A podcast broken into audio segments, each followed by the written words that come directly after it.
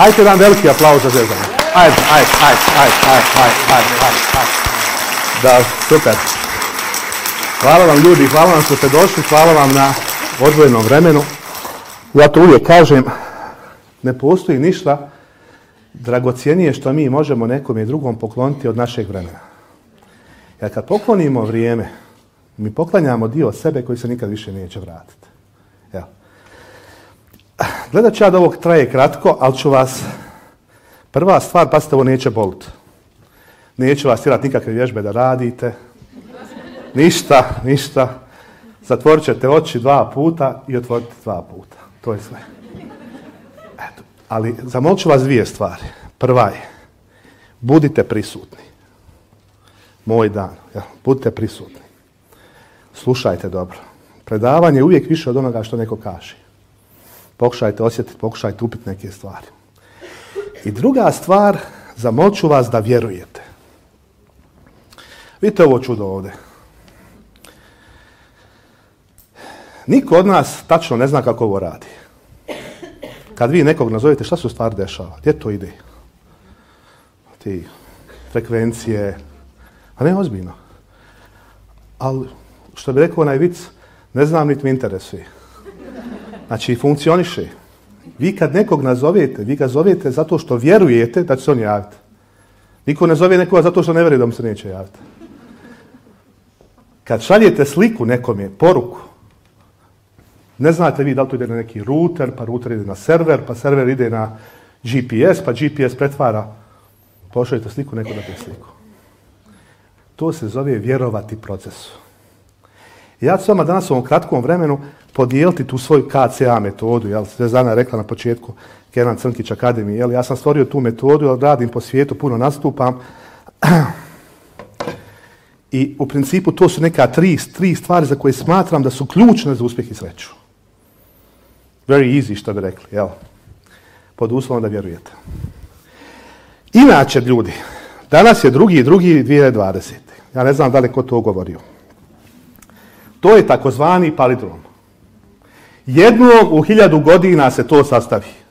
0,2, 0,2, 2 2,0. Čita se isto sa lijeve strane i sa desne strane. Zadnji put je bilo prije hiljadu godina. 11. 11. 1111. Sljedeći put će biti za hiljadu godina. 30. 03. 30. 30. Dakle, jednom u hiljadu godina nešto čitate s lijeve strane, isto je ako čitate s desne strane. Numerološki fenomen koji označava novi početak. Yes! Eto ga. Pa nismo slučajno ovdje. Danas. Eto ga. I zato se ovo predavanje zove Tvoj novi početak. Tvoj novi početak i bit će ako Bog Dobro. Jesmo spremni malo zatvoriti oči. Zamolimo maestra da nam ugasi svjetlo. Edo ga. Ljudi, svjetlo je ugašeno, a vi zaklopite oči. Sad dolazimo do onoga vjerovanja. Isključite, vaš mozak vas sabotira on daily basis. Taj cinik u mozgu se uvijek javlja kad treba u nešto povjerovati. Zaklopite oči, ništa vam se ne može desiti kažu doktore medicine, dokle god možete zaklopiti oči, znači sve je dobro. Ja, ja, to je prva stvar koja se gleda u hitnoj.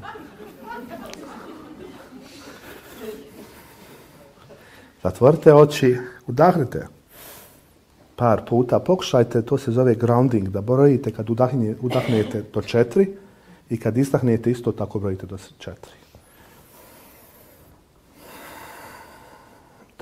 četiri puta. Samo da se ono konektujete na samoga sebe.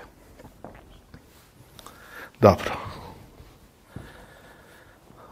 Danas je nedelja i vi više niste među živima. Jučer ste umrli.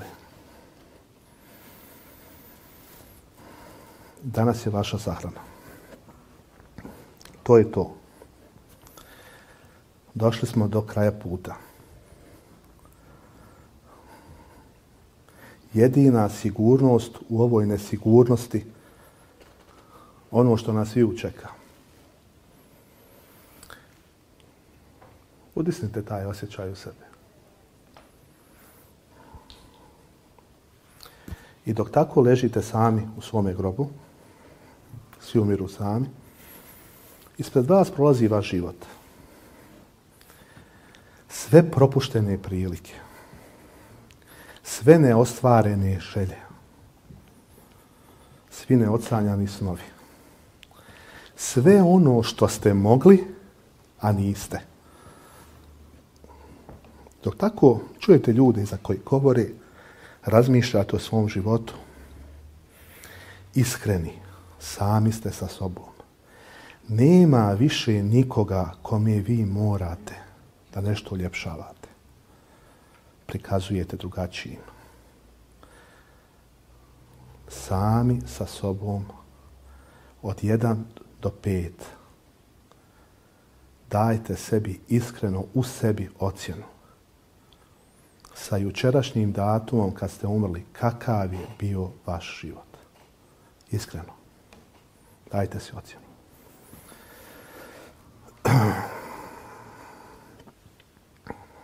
utisnite taj osjećaj. Ja sa svojim klijentima s kojima radim coaching, to radim kad oni legnu u grob. Nije isto o tome razmišljati u nekom kafiću i kad zaista ležite u nekom grobu koji nekoga čeka. Hajte sad ponovo si dajte ocjenu iskreno u sebi. Dobro, utisnite. Dobro. Otvorite oči, palimo svjetlo. Maestro. Dobra vijest ljudi je da ste živi. Sad možete opet jedan aplauz za to. Sam se.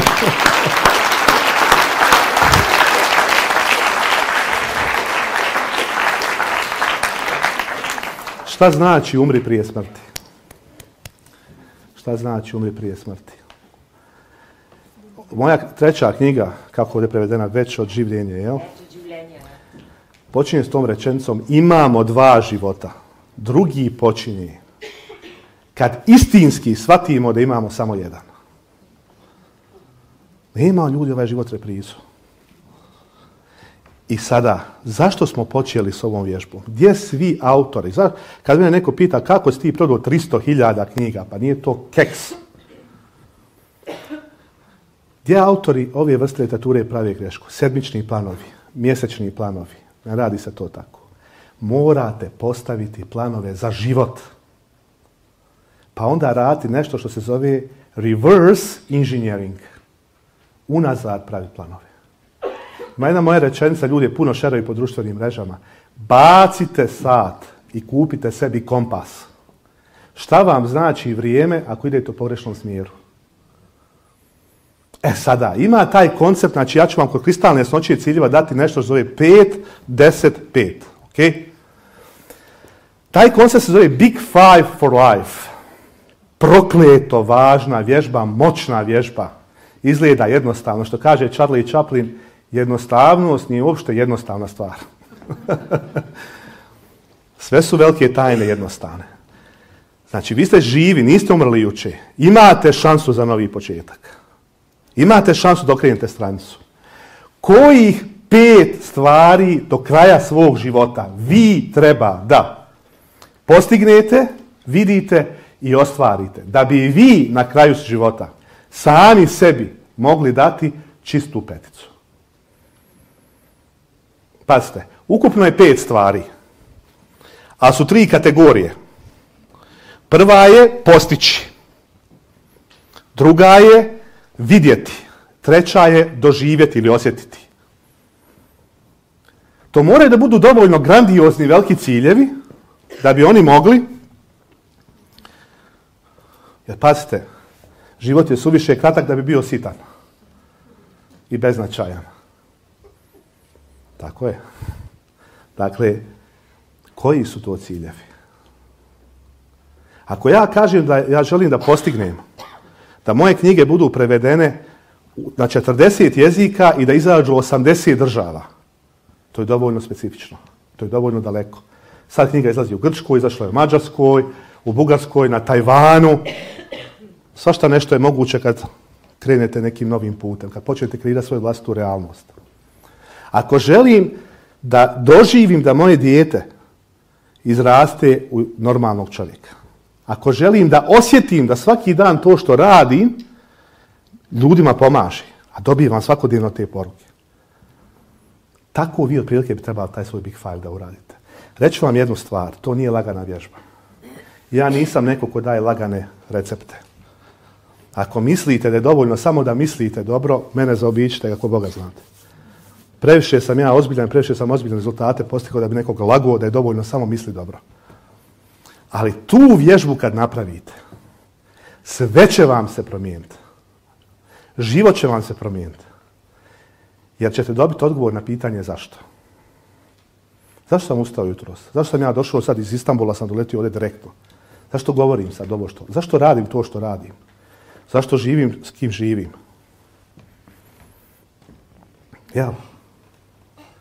Kaže Niče, ko ima dovoljno jako, zašto? Izaći će na kraj sa bilo kojim kako. What's your why? E sad, neko ko je slušao prije, ovo je uvijek, znači moja predavanja su drugačija, ali ovo je uvijek isto. Nebitno gdje ga radim, nebitno koliko puta ga radim, i sljedeće godine, ako boda da kad se vidimo na ovome, opet ćete zatvoriti oči i opet ćete se konektovati na smrt. Sve ostalo će možda vjerojatno biti drugačije. Jer mi to guramo po tepih. Evo vam pet dodatnih pitanja, možete slobodno zapisati koje vam mogu pomoći na tom putu. Stalno se priča o toj kliničkoj smrti. Ja o tome ne volim pričati, to su novinari u Hrvatskoj izvukli, pa me onda svi pitaju u svim mogućim zemljama kojima sam, a jeste vidjeli bijelo svjetlo? jeste vidjeli cvijeće? Jeste vidjeli tunel? Kada je to bitno? Teško je taj osjećaj spustiti u riječ, čak i ako ste navodno dobri s riječima. To je Murakami napisao, čovjek koji uđe u luju nije isti kao čovjek koji izađe iz oluje. U tom je pojenta oluje u životu. Ali ono što vam se počinje dešavati nakon takvog jednog wake-up kola jeste, vi počinjete sebi postavljati puno pitanja. A sva ta pitanja, imate u Vuku, pazi kako kažete, katerega, jel, volka hraniš, 77. Sva ta pitanja se mogu svesti na dva. Da sam ja taj dan zaista umro, a bio sam što kažu ne tu, nego sam se već prevrnuo, bio na ovu stranu, čiji je bio život kojeg sam ja živio? U kojoj mjeri sam ja bio vlasnik svog života? Je to bio život moje mame, tate, društva, jesam ja nekom nešto dokazivo, jesam se ja nekom svetio, jesam htio da me neko kruniše? Dobro pitanje. Drugo pitanje je da sam umro taj dan, šta bi ostalo iza mene? Evo vam pet pitanja, zapišite si.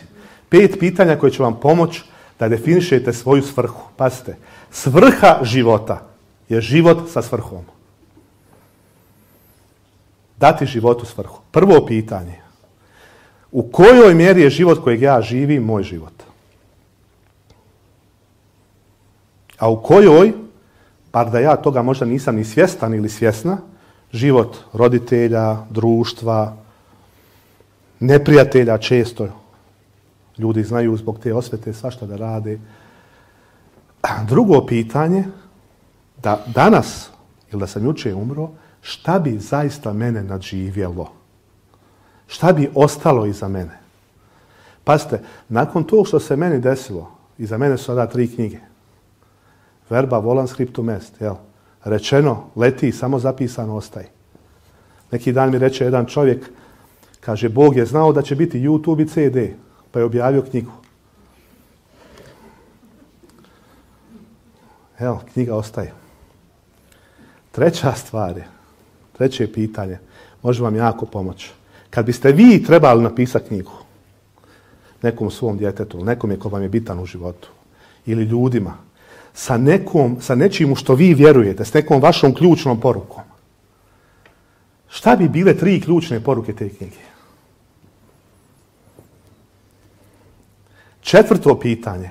Kad biste trebali da fondaciju osnujete sa svojim imenom i prezimenom, by the mislim da to svako treba napraviti, a ne samo bogataši. Fondacije nisu uopšte tako teška stvar. Čini se da vam 500 600 eura treba za fondaciju. Koja tri, pazite, samo tri programska cilja bi ta fondacija podržavala. Da li ste vi podržavali djecu, ili ste podržavali starce, ili ste podržavali bolesne, ili ste podržavali nadarene koji ne mogu. I peto pitanje svih pitanja je zašto sve to? I kad prođete kroz tih pet pitanja, doćete do onoga što vi stvarno jeste. Svi naši problemi na ovom svijetu počeli su onog momenta kad nam je društvo reklo šta bi mi trebali biti, a mi smo prestali biti ono što jesmo. I prvo, prvi korak je razgovarati sami sa sobom. Kod nas inače više to samo ludi ljudi rade. Kaže, ako neko hoda ulicom priča sam sa sobom, ili je lud, ili kuću pravi. Kaže jedan, jedan psihijatar kaže treba posebno imati odjeljenje za ljude koji prave kuće. Koliko poludi od majstora i od tih budala.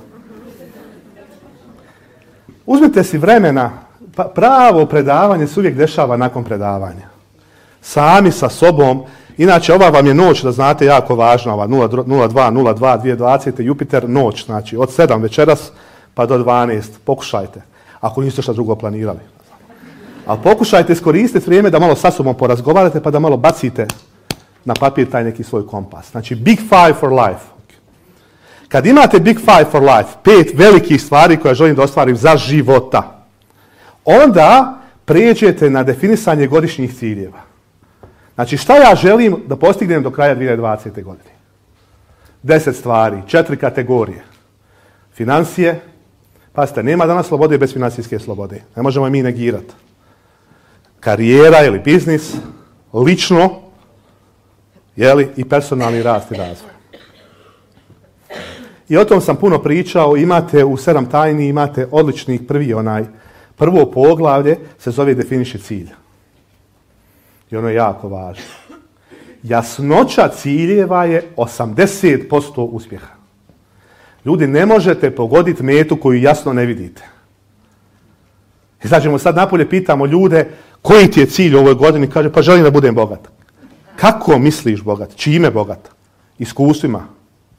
Ljubavlju. Čime? A kad pitate kao on kaže 31.12.2020. imam 100.000 nečega, e to je cilj. Zašto? Jer ispunjava metodologiju koja zove SMARTY. Specific, measurable, achievable, result oriented, time framed, inspirable. Rockefeller je rekao, za uspjeh u životu potrebne su samo dvije stvari. Prva da čovjek tačno zna šta želi. I druga da bude spreman platiti cijenu za to. Najbolja definicija uspjeha koju sam ikad u životu čuo. Prvo da zna tačno šta želi. Ne samo okvirno, nego tačno što uže, što, što specifičnije to bolje. To je veća šansa zato što podsvijest reaguje na, na jasnoću. Ako hoćete moć podsvijesti da pokrenete, cilj treba biti kristalno jasan i mora biti pisan u sadašnjem vremenu. I morate koristiti termin ja. 31.12.20. ja imam to. Ja sam to. Naprimjer, ja sam pušač. Ne prestao sam pušiti, nego ja sam pušač. Podsvijest tako reaguje. Evo vam sad jedna stvar koju ja stalno izma ponavljam. Napišete tih deset stvari. Pazite, svijest, podsvijest. S, P, P, P, pisanje. Kompletna kognitivno-behavioralna terapija se zasniva na žurnaliranju. Journaling is deep meditation on paper. Baciti muku na papir. Ciljevi moraju biti napisani. Napišete deset ciljeva svojih za 2020. Koja je prva stvar koju trebate uraditi? Trebate pogledati da li su oni povezani sa vaših Big Five. Sa kompasom. Ne znaš, ja ću sljedeće godine raditi na Big Five. Ne, ne, ne, ne. Kako te ciljeve u ovoj godini dovodi bliže Big Five? I drugo, druga stvar kad pogledate njih deset, kažete sebi, ako ja mogu da ostvarim od ovih deset samo jedan cilj, a da on ima najveći efekat na moj život, koji bi to cilj bio? I uvijek je samo jedan. To se zove The Magic One. Zasnovano ono starom paretovom načelo 80-20. Dakle, taj jedan cilj je najčešće bitan, ali nije hitan. bitan je, ali nije hitan i zato ga stalno odlažemo. I kad radimo reviziju godine unazad, sve smo stvarili, njega nismo. A on nam najbitniji. Ne kako se vi smješkate, vidim vas sve prepoznajete. Dobro je to, dobro je to. Kako ćete drugačije, kaže, lutaj, kako drugačije da se nađeš. Mi inače ljudi moramo doći sa sebi dok još imamo kome. Moramo malo sebe nazvati svog mobilnog fiksni. Da vidimo gdje smo u ovom svijetu. Kad ste definisali taj Magic One, ima nešto što je naučio John Maxwell, na čemu sam beskrajno zahvala. To se zove the rule of five, pravilo petici. Ljudi, evo ovdje ima neki kineski restoran na polju. Ja sam baš ovim mojima, sad što smo došli predlagao da testiramo hrabrost, ovaj, s obzirom na ovo sve što se dešava, pa da odemo u taj restoran. Možda svi zajedno da why not? Testiramo hrabrost da pokažemo, da, povjerimo komfornu zonu. Jer sad kad putujete ovo, ja sam stalno po ovim svi nose one maske, ja sam, malo je falo s maskom izađe na, vinu. Dakle, napolje ima, pored tog čim se ima neko drvo, ako se ne varam. Kad bi ja se izašao napolje i to drvo svaki dan udario sjekirom, pet puta, pa se vratio nazad. Ne jedan dan 500 puta, drugi dan ni jednom i tako nego svaki dan pet puta. Ima li ikakve dileme da će to drvo past? Nema. Koji je to pet stvari, nebitno koliko su male, svaki dan, koje ja trebam raditi da bi ostvario svoj magic Samo za taj jedan. To se zove raditi pametnije, a ne napornije. Jel, trka pacova je, kad vi morate trčati, kako kaže onome Crvena kraljica Olise. Lisa o zemlji čuda je fantastična knjiga. U mom, kaže, carstvu Alisa moraš trčati duplo brže da bi ostala na istom mjestu. Danas mi tako, mi trčimo duplo brže da bi ostala na istom mjestu. I'm sick and tired of being sick and tired. Evo vam primjer plastičan. Knjiga. Svaki dan mi neko pita kako napisa knjigu. Kaže meni Maxwell. Maxwell napisao 70 knjiga skoro pola milijarde prodati knjige. Maxwell je coach Bila Gatesa, Vorena Buffetta, Jeffa Bezosa. Mene. Maxwell kaže jednu krasnu stvar. Every day I read, I file, I ask questions, I think, I write. I read, I file, I ask questions, I think, I write. Dakle, svaki dan ja čitam. Ne možete napisati knjigu ako ne čitate. Ja radim dosta sa estradom, ovi ljudi koji pišu pjesme. Oni svi slušaju puno muziku. To je kao kad pitate pticu koja je krilo važnije, desno ili lijevo. Fajl, znate šta je fajliranje? Ono kad podlačite. To je malo pomnije čitanje. Kako sam ja sam poznat po tim pričama koje sam prikupljao. I sve moje knjige su, kako kaže, priče se pričaju da uspavaju djecu i probude odrasli. Metakognitivna priča ide u emociju, umjesto fakta. Ja sam tako uskupljio te priče i onda ih fajliram. Priča o sreći, priča o ljutnji, priča, razumijete me?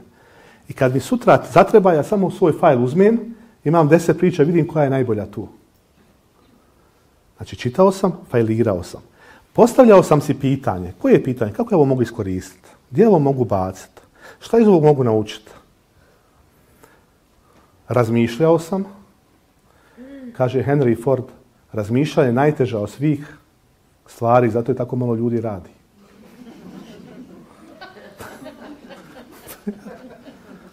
Kako na jedan kaže, sjedi na ulici, kaže, ti samo sjediš i razmišljaš. Kaže, ja samo sjedim. Ljudi, ljudi ovaj, ne razmišljaju puno, ozbiljno. Nemamo mi vremena, ovaj nas je život uzeo i to je fast train. I peta stvar, I write morate svaki dan pisati. Znate kako ljudi zamišljaju da sam ja sjeo negdje u Alpama, svijeće su, dolazi mi inspiracija. Nije to tako seksi. Među nama, mislim. Pišeš svaki dan gdje stigneš. Najbolje stvari sam pisao na avionu. Na aerodromu. Dok sam kupovao vinjetu. Dok sam kupovao vinjetu, sam, znači čekajući, pa sam izašao, bilo ono hladno, kad sam prešao granicu, onda sam napisao, ponekad se čovjek umori. Jednu moju pojemu koju ljudi puno. Tad sam je napisao, znate gdje sam napisao. Imate, kad prijeđete Breganu, desno se kupuju vinjete. Tu sam ja to otkucao na telefonu, jer sam se stvarno više umorio. Ponekad se čovjek umori i to je okej, okay, Dakle, kristalna jasnoća ciljeva je prva stvar. Prvo za života Big Five, pa za godinu, pa od te godine, tih deset, jedan odabrat, na tom jednom rati pet stvari svaki dan. Ja sad zbog putovanja slabo radim i ne stižem raditi seminare i to, ali imam, otvorio sam jedan online program zbog samo ove godine, jer ja puno radim vanim, iskreno više se isplati, ovaj, veći je rič, puno je veći rič, ali gledam naša regija mi je bitna, jako mi je bitna, da pondim to ljudima, jer ova godina je stvarno, stvarno numerološki najbolja moguća za jedno čekam još godina, ne znam. Za novi početak. Samo treba nam neko pomoći kako da, jer vidite, ne mora se svakom desiti što se desilo meni, to je pojenta. To je moja misija. Naknadnu pamet pretvoriti u pamet koja predviđa. Pomoć ljudima da ih ne, udari tako jako život pa da onda dođu pameti. Ne, možemo, ne, znate, neko, kaže kad čovjek, ljudi koji umiru u bolnicama, kad s njima razgovarate, on potpuno drugačije gledaju na život nego ljudi koji sad žive i i oko nekih stvari. Ne mora se to svakom desiti. Jedna priča koja jako volim jeste, jedan je majstor podučavao kroz igru i zabavu, stalno je pričam, i, i penjao se na neku krušku i pao je s te kruške i dobro se udario. I sad su učenici rekli, zovite doktora, zovite doktora. Kaže on, ne, ne, ne, ne, ne, zovite mi nekog koji je pao s kruške. samo on zna kako je. I kad birate mentora, kad birate kouča, kad birate nekoga od koga ćete učiti, gledajte je li pao s kruški? Ima li za sebe realan rezultat u životu koji potvrđuje to što govori. Ok, dobro. Drugo poglavlje, drugi dio je, nemamo mi nas vremena da idemo duboko u to, ali hoću da vam dadnem što više. Se slažete da tako treba. Dobro. Energija je dobra, dobra, dobra. Je C. Centriranje tri ključna faktora. ovom nisam govorio prošle godine koje je slušao. Centriranje tri ključna faktora za uspjeh i sreću smo mi sami, ljudi koji nas okružuju, informacije koje na svjesnom i posvjesnom nivou primamo k znanju. Mi sami, tu se malo zadržati. Pazite. Pazi kojeg vuka hraniš. Šta to znači? Najteža bitka koju mi vodimo je bitka sa samima sobom. Svaki dan sa ovim mozgom. To je natezanje do besvijesti. Jedan je, kažu, majstor uzeho magarca i otišao. Njega bilo sedam dana, svi ga tražili. I kad je došao kući žena i svi kažu, gdje si bio, kad je me magarac vodio? Tako i ljudi žive. Magarac je život, život ih nosi. Jer ako ti, ako ti ne vladaš svojim umom, ako ti njemu ne kažeš šta ćeš danas raditi, on će ti nametnuti šta da radiš. Sreća je stvar izbora. Ja stalno to govorim kako Jutarnji program, ja sam prvi gost. Opušteno. Opušteno. I ja je jedna, jedna doktorica psihologije koja ja ne znam kako mi, kako, onako, žena može biti negativna. Kažu, čuvajte se negativnih ljudi, one, oni imaju problem za svako rješenje. I sad ona priča to jutro, kako ne može se to tako, kako je, znate.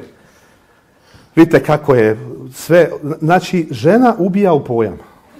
A ja vamo postivam s druge strane, znači ono plus i minus.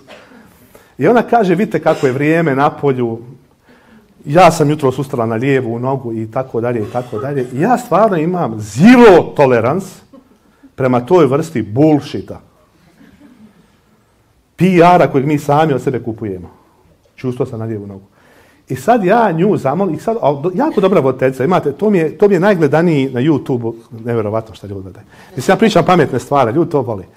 I ja njoj kažem, sad ona meni kaže, pa dobro doktore, možete vi nešto učiniti da nju podignete, da ona, znate ova. Kaže, ja mogu. Kažem, ajte gospođo leste. Sad on jutarnji program, znate kako su oni, imate one kauče i to, live ide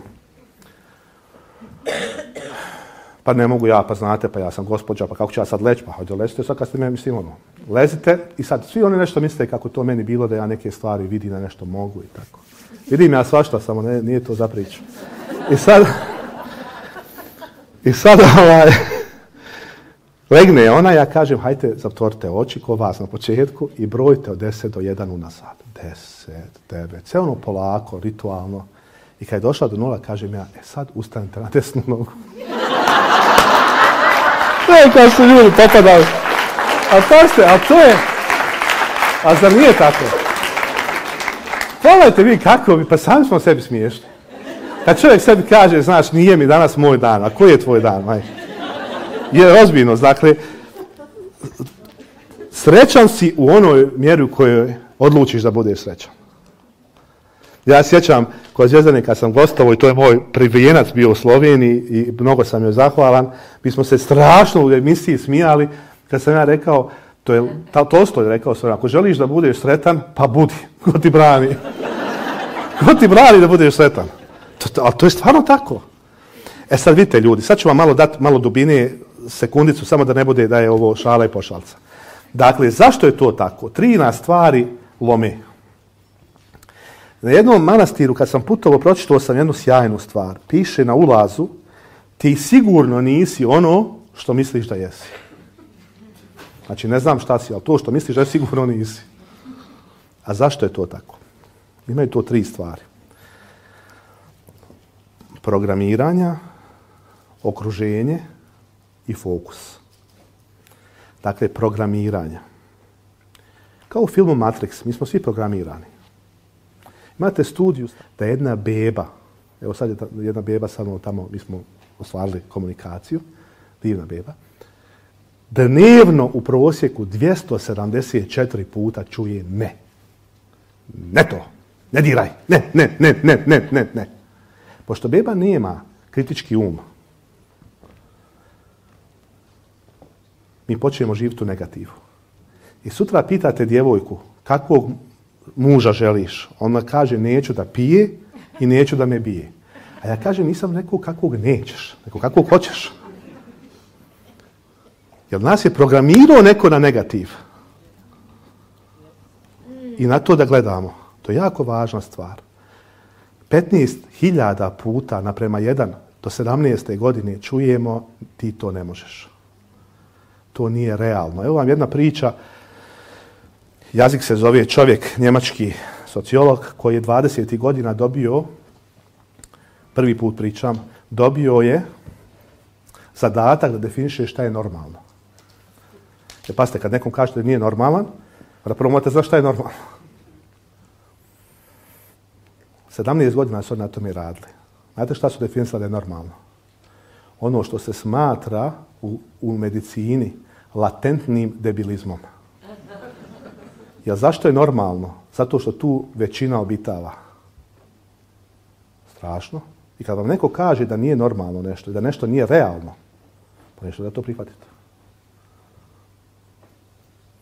Creating your own reality. Kad sam ja išao da mi knjiga bude najbolja na Amazonu, znate koliko je meni ljudi reklo ne možeš ti to. Da izađe knjiga u Sloveniji, izađe knjiga bilo gdje. Vama sa obje strane ljudi šapću, to ću pričati u drugom dijelu. Ali prva stvar je da vi povjerujete, ono što sam na početku rekao. Vjerujete li vi sebi? Neki dan sam napisao da postoji kladionica vani, većina bi se ljudi gladila protiv sebe. Ono, nasigurno. Pa da, zar ne? da, ne, idem dole skroz. skupili smo tu, anestezirali su nas, pazite. To je, ide stalno ta anestezija pomalo.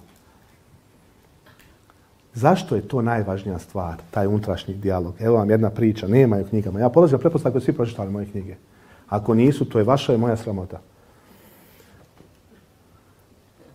Da ne ponavljam priče, pošto ste došli ljudi, kažu nešto što nema u knjizi. Jedna priča, meni jako draga. Jedan otac je došao u kući, donio posao sa sobom. Koliko nas to radi. I dijete hoće da se igra sa njim sin. On ga ono, čuška, čuška dijete, tata da se igramo. Imao neko, mali imao neki čas iz geografije. I otac nađe u nekom magazinu slika svijeta. I pocijepa tu sliku svijeta i svuje izmiješa. I kaže, evo ti ovo, sklopi sliku svijeta pa ćemo se onda igrati. Misli, treba ćemo 3-4 sata dok on sklopi Australiju, Ameriku i to. I otac uzvo odgovara na mailove, zadovoljava šefa. Ovaj, Mali se vrati neko 20 minuta. Kaže, tata, ja sam završio. Stvarno slopljen svijet. ko ti je pomogao? Kako mi svoje djeci ne vjerujemo. Nisi ti to mogao sam. Ko ti je pomogao? Kaže, nije niko tata. Pa kako si uradio? Gdje si gledao na internet? Nisam tata. Pa kako si? Kaže, znaš tata, s druge strane tog je bio čovjek. Ja sam slagao čovjeka. I kad sam složio čovjeka, složio se cijeli svijet.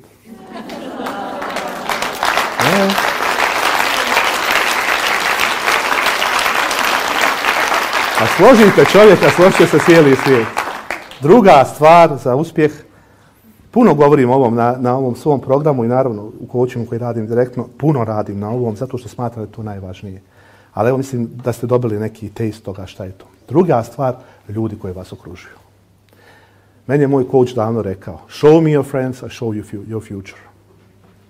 Show me your friends, I will show you your future. Svi ljudi zrače, neki vas izliječe, od nekih obolite. To je tako. Dakle, i tu imate pravilo petice. Vi ste prosjek pet ljudi s kojima provodite najviše vremena.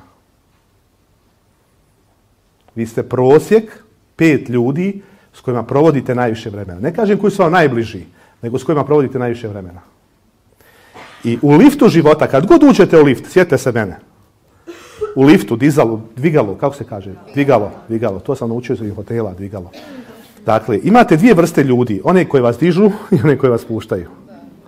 Razmišljajte kome diže i kome spušta u ovom životu. Ljudi koji vas dižu, ja zovem baterijama. To su ljudi, ono, kad ih vidite, odmah vam je dobro nešto zrači, nešto, razumijete, pozitivni su. S druge strane, u velikoj većini, dominantnoj, su ljudi koje ja zovem energetskim vampirima. Ljudi koji imaju problem za svako rješenje. Ljudi koji idu gradom i nabiju vam brunilu, znači injekciju ovdje u vrat i sišu vam pozitivnu energiju. Znate li vi takve ljude? Pita mene jedna žena, mogu da vjerujem. Pita me jedna žena, kako ih, kaže, prepoznati? Kažem ja, samo ih, samo ih pitajte kako ste. Pa da čuješ kad kaže, a kako ću biti? Ako mene pita kako sam, pa sad sam te ja pitao. Pa ne ozbiljno. Ko mene, kaže, pita. Neverovatna stvar. Dakle, ja imam prijatelje s kojim sam odrastao i kojeg sam veoma, ono, što kažu njemci, forziktike nisam. Dakle, veoma sam ga, ono, odmakeo. I on mene zove, ja kažem šta ti treba? Mene uopće ne zovu nešto treba. Kaže, pa ne treba mi ništa, jer ja sam, pazite, tu je sad prijateljstvo, pazite ovo. Mentalna higijena. Rekao sam jednoj osobi, zamisli da svaki dan imaš kući neki bijeli veliki tepih i da neka budala dođe svaki dan i istresati svaki dan smeće na tvoj tepih, šta bi uradio? Kaže, istrala bi ga napolje. Pa što puštaš da ti ljudi to rade u glavi? Svi pričaju, jedi jabuku, ne jedi jabuku, jedi musli, ne jedi musli. A niko ne priča šta te izjeda. To je puno veći problem. Po meni je puno manji problem šta jedeš, a puno veći šta te izjeda. Jer pazite, vi poslije svakog susreta niste isti.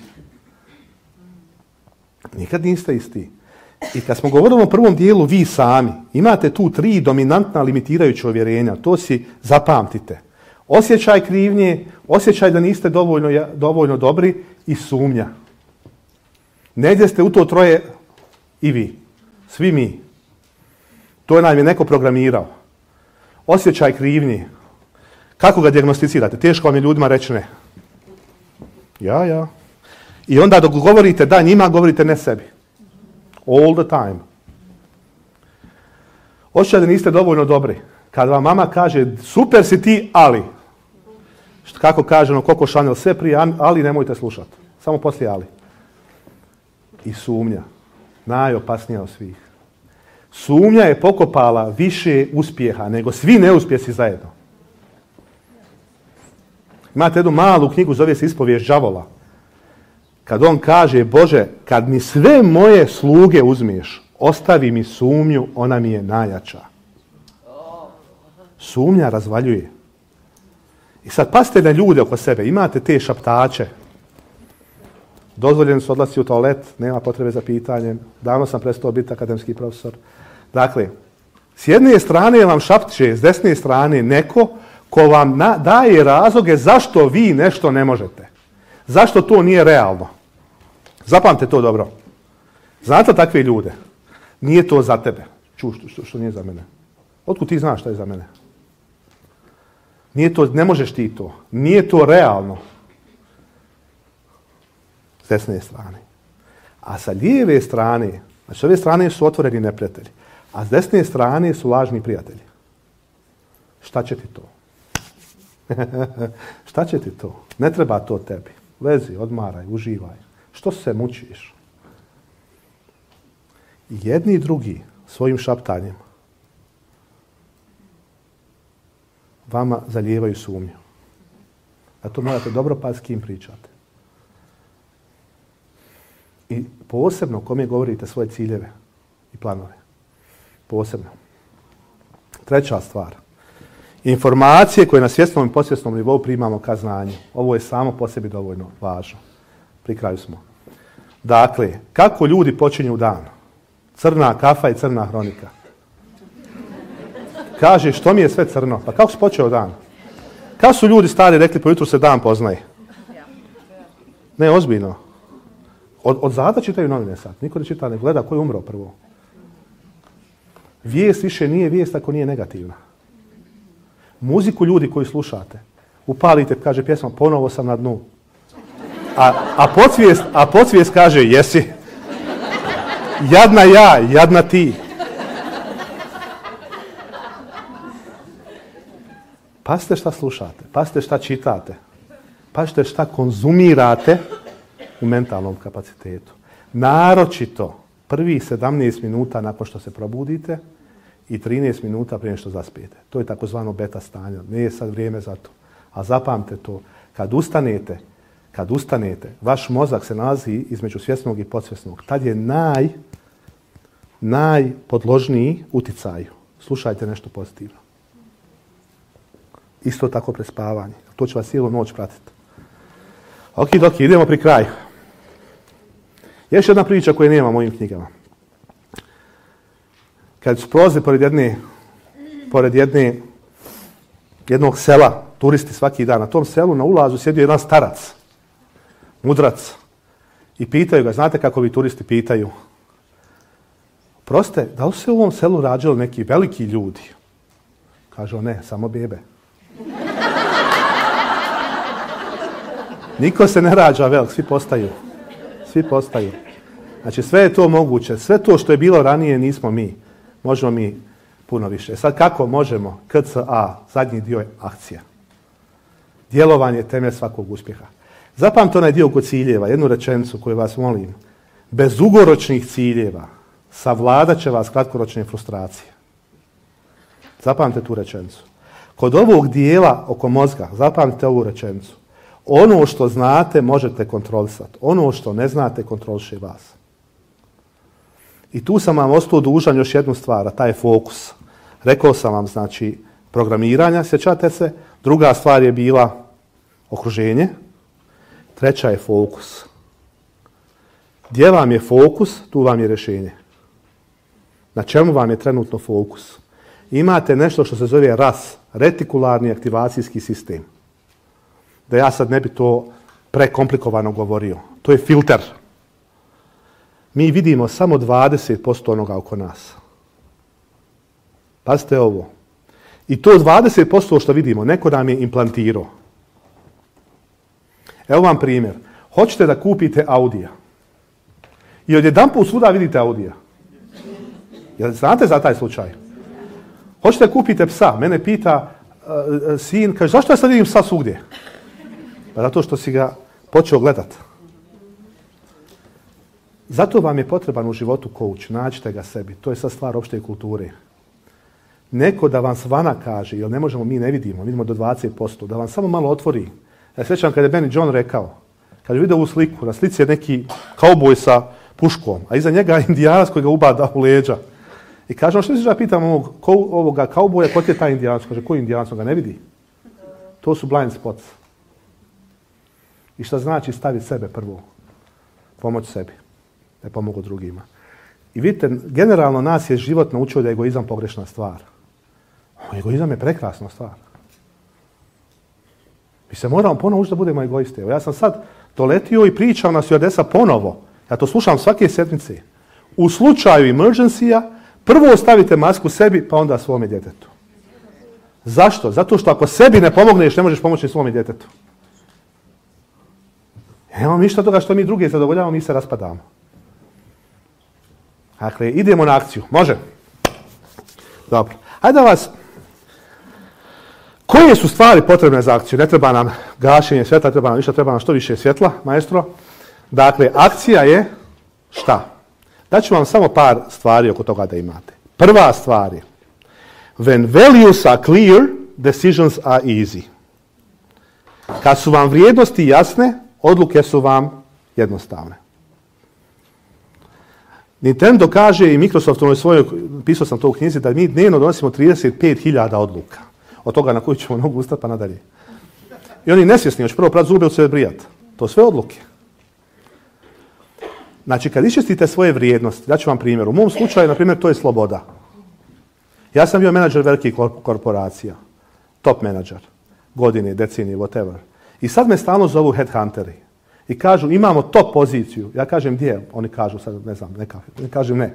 Pa kaže nisi ni saslušao? Ne. Zato što ja više neću nikad raditi za nekoga drugog. Ne kažem da je to loše, ali to je moja vrijednost. Moja vrijednost je sloboda. Razumijete me? I kad ja važim to kroz filtr slobode, sve je lako. Zapitaj se šta je vaša vrijednost. Nekom je novac, nekom je sigurnost, nekom je važno da bude blizu kući pa ćete pristati na slabiju plaću, ali da ste bliže kući. Ali ja ne kažem vama šta je vaše, samo vam kažem definišite to sami sebi i ne dajte nikom drugom da vam to definiše. To je jako važno. Razlučite bitno od hitnog. Druga stvar, znači, išistite svoje vrijednosti. Uvijek su dvije, nemojte, možete imati 15 vrijednosti. Dvije, to s koje važete. Razumijete me? Druga stvar je, perfekcija kao najveći neprijatelj progresa. Ovo ponavljam i ponavljat ću svaki put. Ja ne znam više šta ljudi čekaju. Evo danas je čak i taj famozni dan. Ljudi čekaju da bude ponedjeljak. Ljudi čekaju da bude prvi u godini. Ljudi čekaju da im mali medvjed uđe u zmiju, da Jupiter uđe u Mars. to je nevjerovatno šta se čeka da bi se pokrenuli. Nevjerovatno. Da sve bude perfektno pa ću ja onda. Neće ti nikad. Nikad ti nećeš. Jer kaže, ako čekate da budete spremni, ćete čekajući. Umrijećete čekajući. evo vam tu jedna, jedan moj savjet. Probajte narednih mjesec dana, narednih mjesec dana, svemu što vam dolazi, reći ili da ili ne. Clear yes or fuck no. Samo nemojte govoriti možda. Ja ne znam ko je nas naučio na tu riječ, to je grozna riječ. Maybe. Šta to uopšte znači možda? Jer vidite, šta je problem? Hoćeš li u kino samo? Ne. Hoćeš li na kafu samo? Da. Znate koliko to možda umara? Znate koliko to možda, šta, šta će neko misliti? Pa nek misli šta god hoće, pitao me, daj ne osjetili ste u prvih sedam dana kao da vam je neko nekog majmuna od 100 kila skinuo s leđa. Nemojte puno, mislim, ako hoćete obrazlagati, nemojte da sad biti toliko radikalni koji ja sam, baš radikalan oko toga. I prijatelji moji to znaju. Znači, bez sugar coatinga. Jesi večeras za druženje? Nisam. Ok, bez obrazlaganja. Pravi prijateljima ne trebate obrazlagati. Nisam, šta sad, imam posao, moram tetki kupiti, daj. Prvo to je degutantno, lažemo sebe, lažemo njih, lažemo univerzum i očekujemo da nam bude bolje. To je definicija maloumnosti po Einsteinu. Raditi jedne te iste stvari na jedan te isti način, očekivati drugačiji rezultat. Ne ide. Probajte reći svemu da ili ne. Prije svega recite sebi da, ok? Nemojte čekati. Perfekcija je najveći neprijatelj progresa. To je mene naučio profesor kad sam pisao doktorsku disertaciju. On kaže, Kenane, ako se za deset godina ne budeš stidio svoje doktorske disertacije, nisi zaslužio budeš doktor nauka. Jer to je tako. Ako se ne stidiš samog sebe prije deset, 15, ja, sam sa sobom prije 15 godina nikad kafu ne bi popio. Ne, ozbiljno. Nisam ja bio taj isti čovjek, ali kako drugačije čovjek da uči? Sometimes you win, sometimes you learn. Treba priznat to. Ja često ljudima kažem, kad bi trebao pričati o svojim uspjesima, treba mi možda sat. O neuspjesima treba mi 30 dana na ovom pozornici. Treba ih prihvatiti. Treća stvar, molim vas, jako bitna. Pri kraju smo. Paraliza od analize. Paralysis by analysis. Žongliranje. Ljudi koji mene dovode do ludila. Sjećate se što sam rekao na početku. Vrijeme.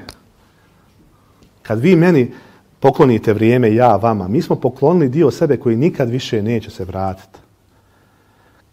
Jedna rečenica koja mene proganja što je se neka rekao. Naša najveća zabluda je, to imate u Vuku, što živimo život očekujući smrt kao nešto što će se desiti u budućnosti.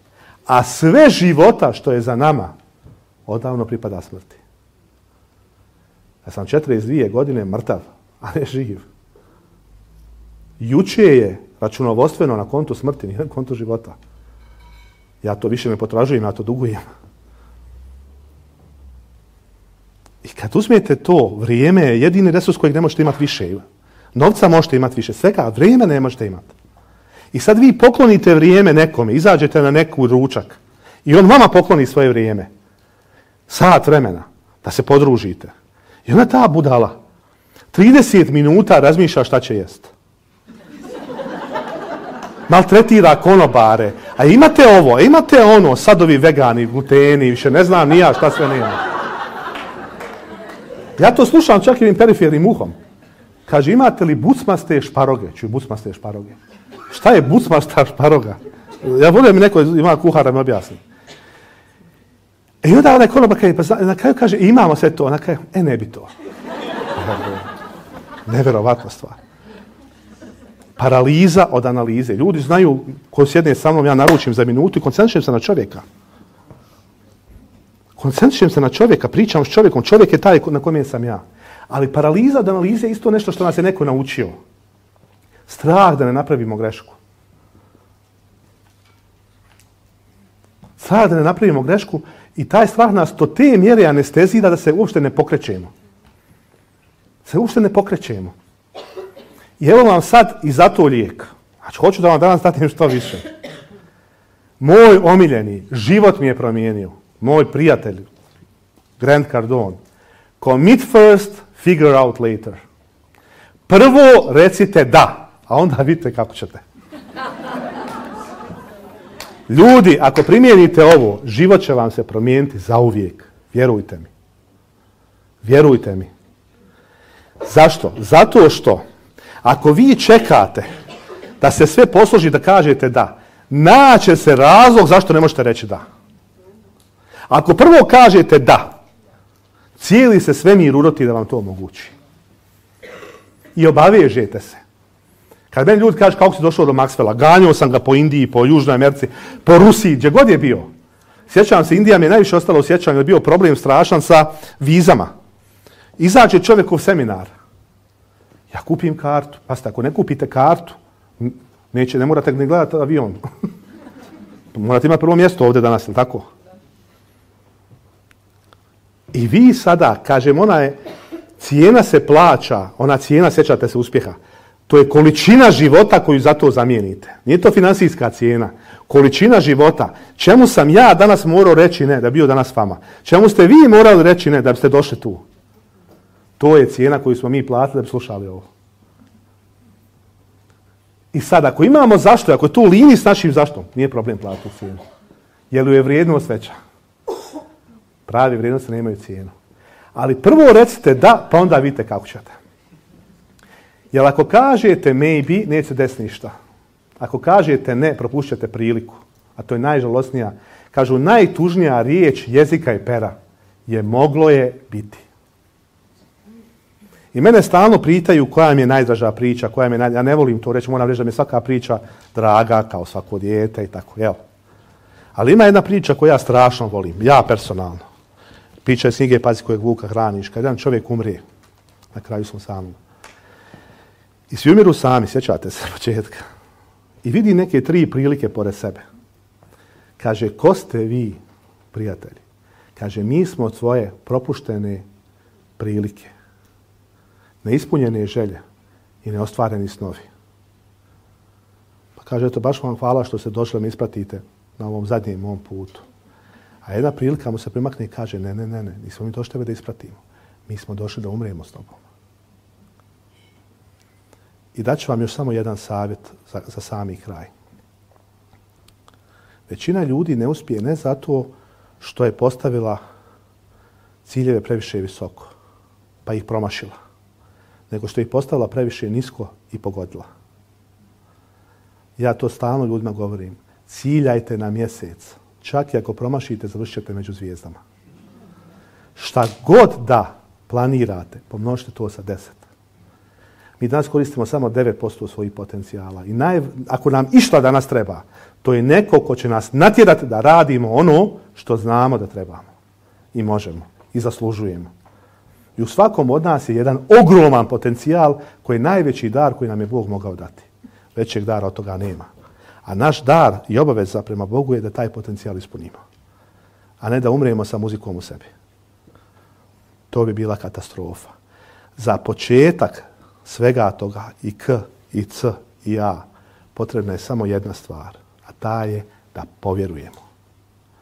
Da povjerujemo u sebe da povjerujemo da smo stvoreni na ovom svijetu sa ciljem, sa svrhom, da je naša priča važna, da to što imamo reći vrijedi, da život nema reprizu i da počnemo igrat da pobjedimo, a da prestanemo igrat da ne izgubimo. Da vjerujemo da nada u nama nikad ne umire. To je, to je ono što je jako važno. Mene pitaju nedavno, na jednom radiju kako pomoći ljudima koji ne vjeruju da im se može pomoći. ako nikako. Nikako. Pa kaj vi govorite? Pa ne mogu ja pomoći nekom ko sam ne vjeruje da mu se ne može pomoći. Ne treba nam neko drugi da povjeruje u nas. Trebamo mi sami da pogledamo sebe ogledalo i kažemo ja vjerujem u tebe. Yes. Full time. Full, smislu te Ja vjerujem u tebe. Hvala. Ja ću vas sada zamoliti da ponovo zatvorite oči. Sjetite se li god možete da zatvorite oči. Vjerovatno je sve u redu. Napravite nekoliko udisaja, izdisaja, grounding. Brojite do četiri kada udišete. Brojite do četiri kada izdišete. Smireno, polako, konektujte se. Nazovite sebe sa mobilnog na fiksni. Dođite sebi dok još imate kome. Ja ću vam kao svojevrsni kraj pročitati posljednju priču iz moje trenutno aktuelne knjige Nadživjeti život. Jednu od meni najdražih. neki način sublimira pravi, istinski, vrhovni način putem kojeg možemo nadživjeti život.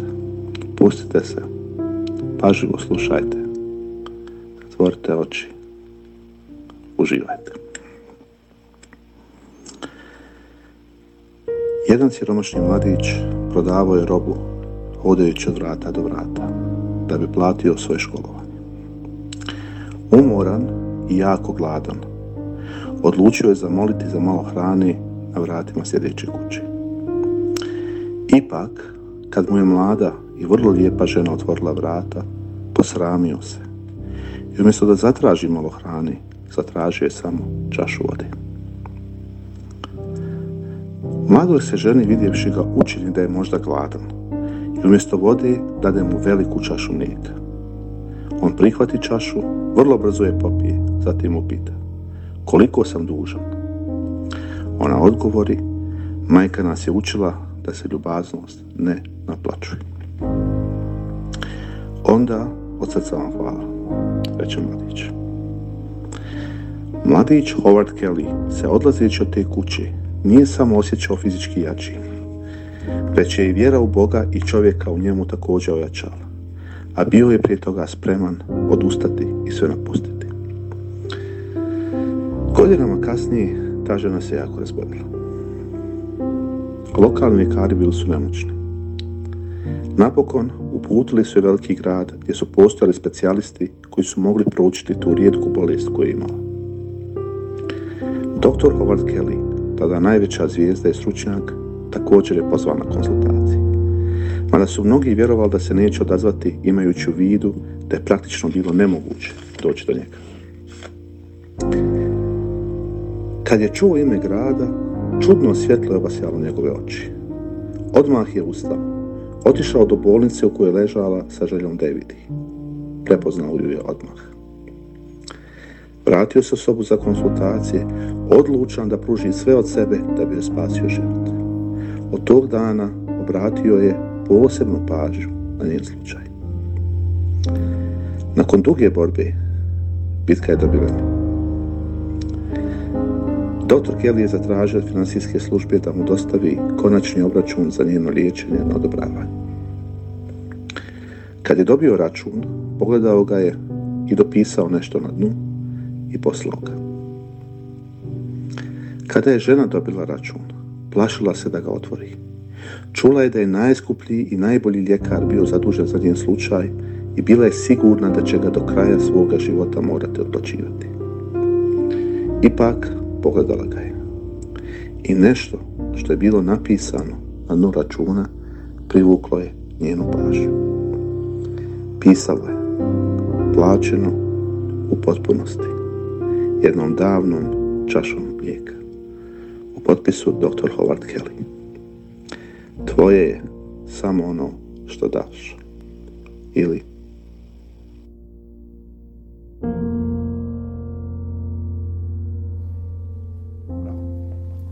Ljudi, otvorite oči.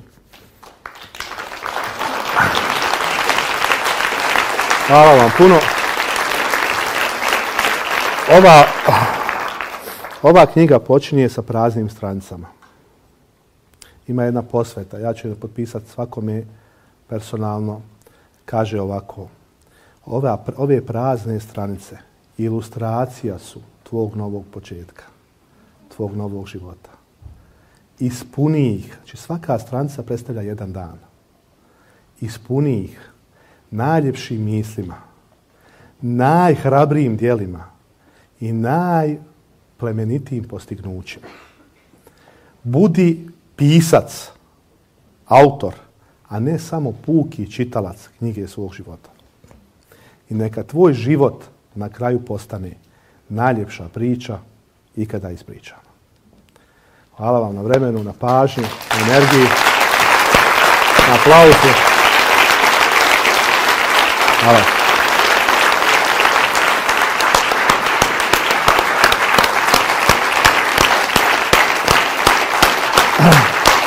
Isa, yo soy. Para final.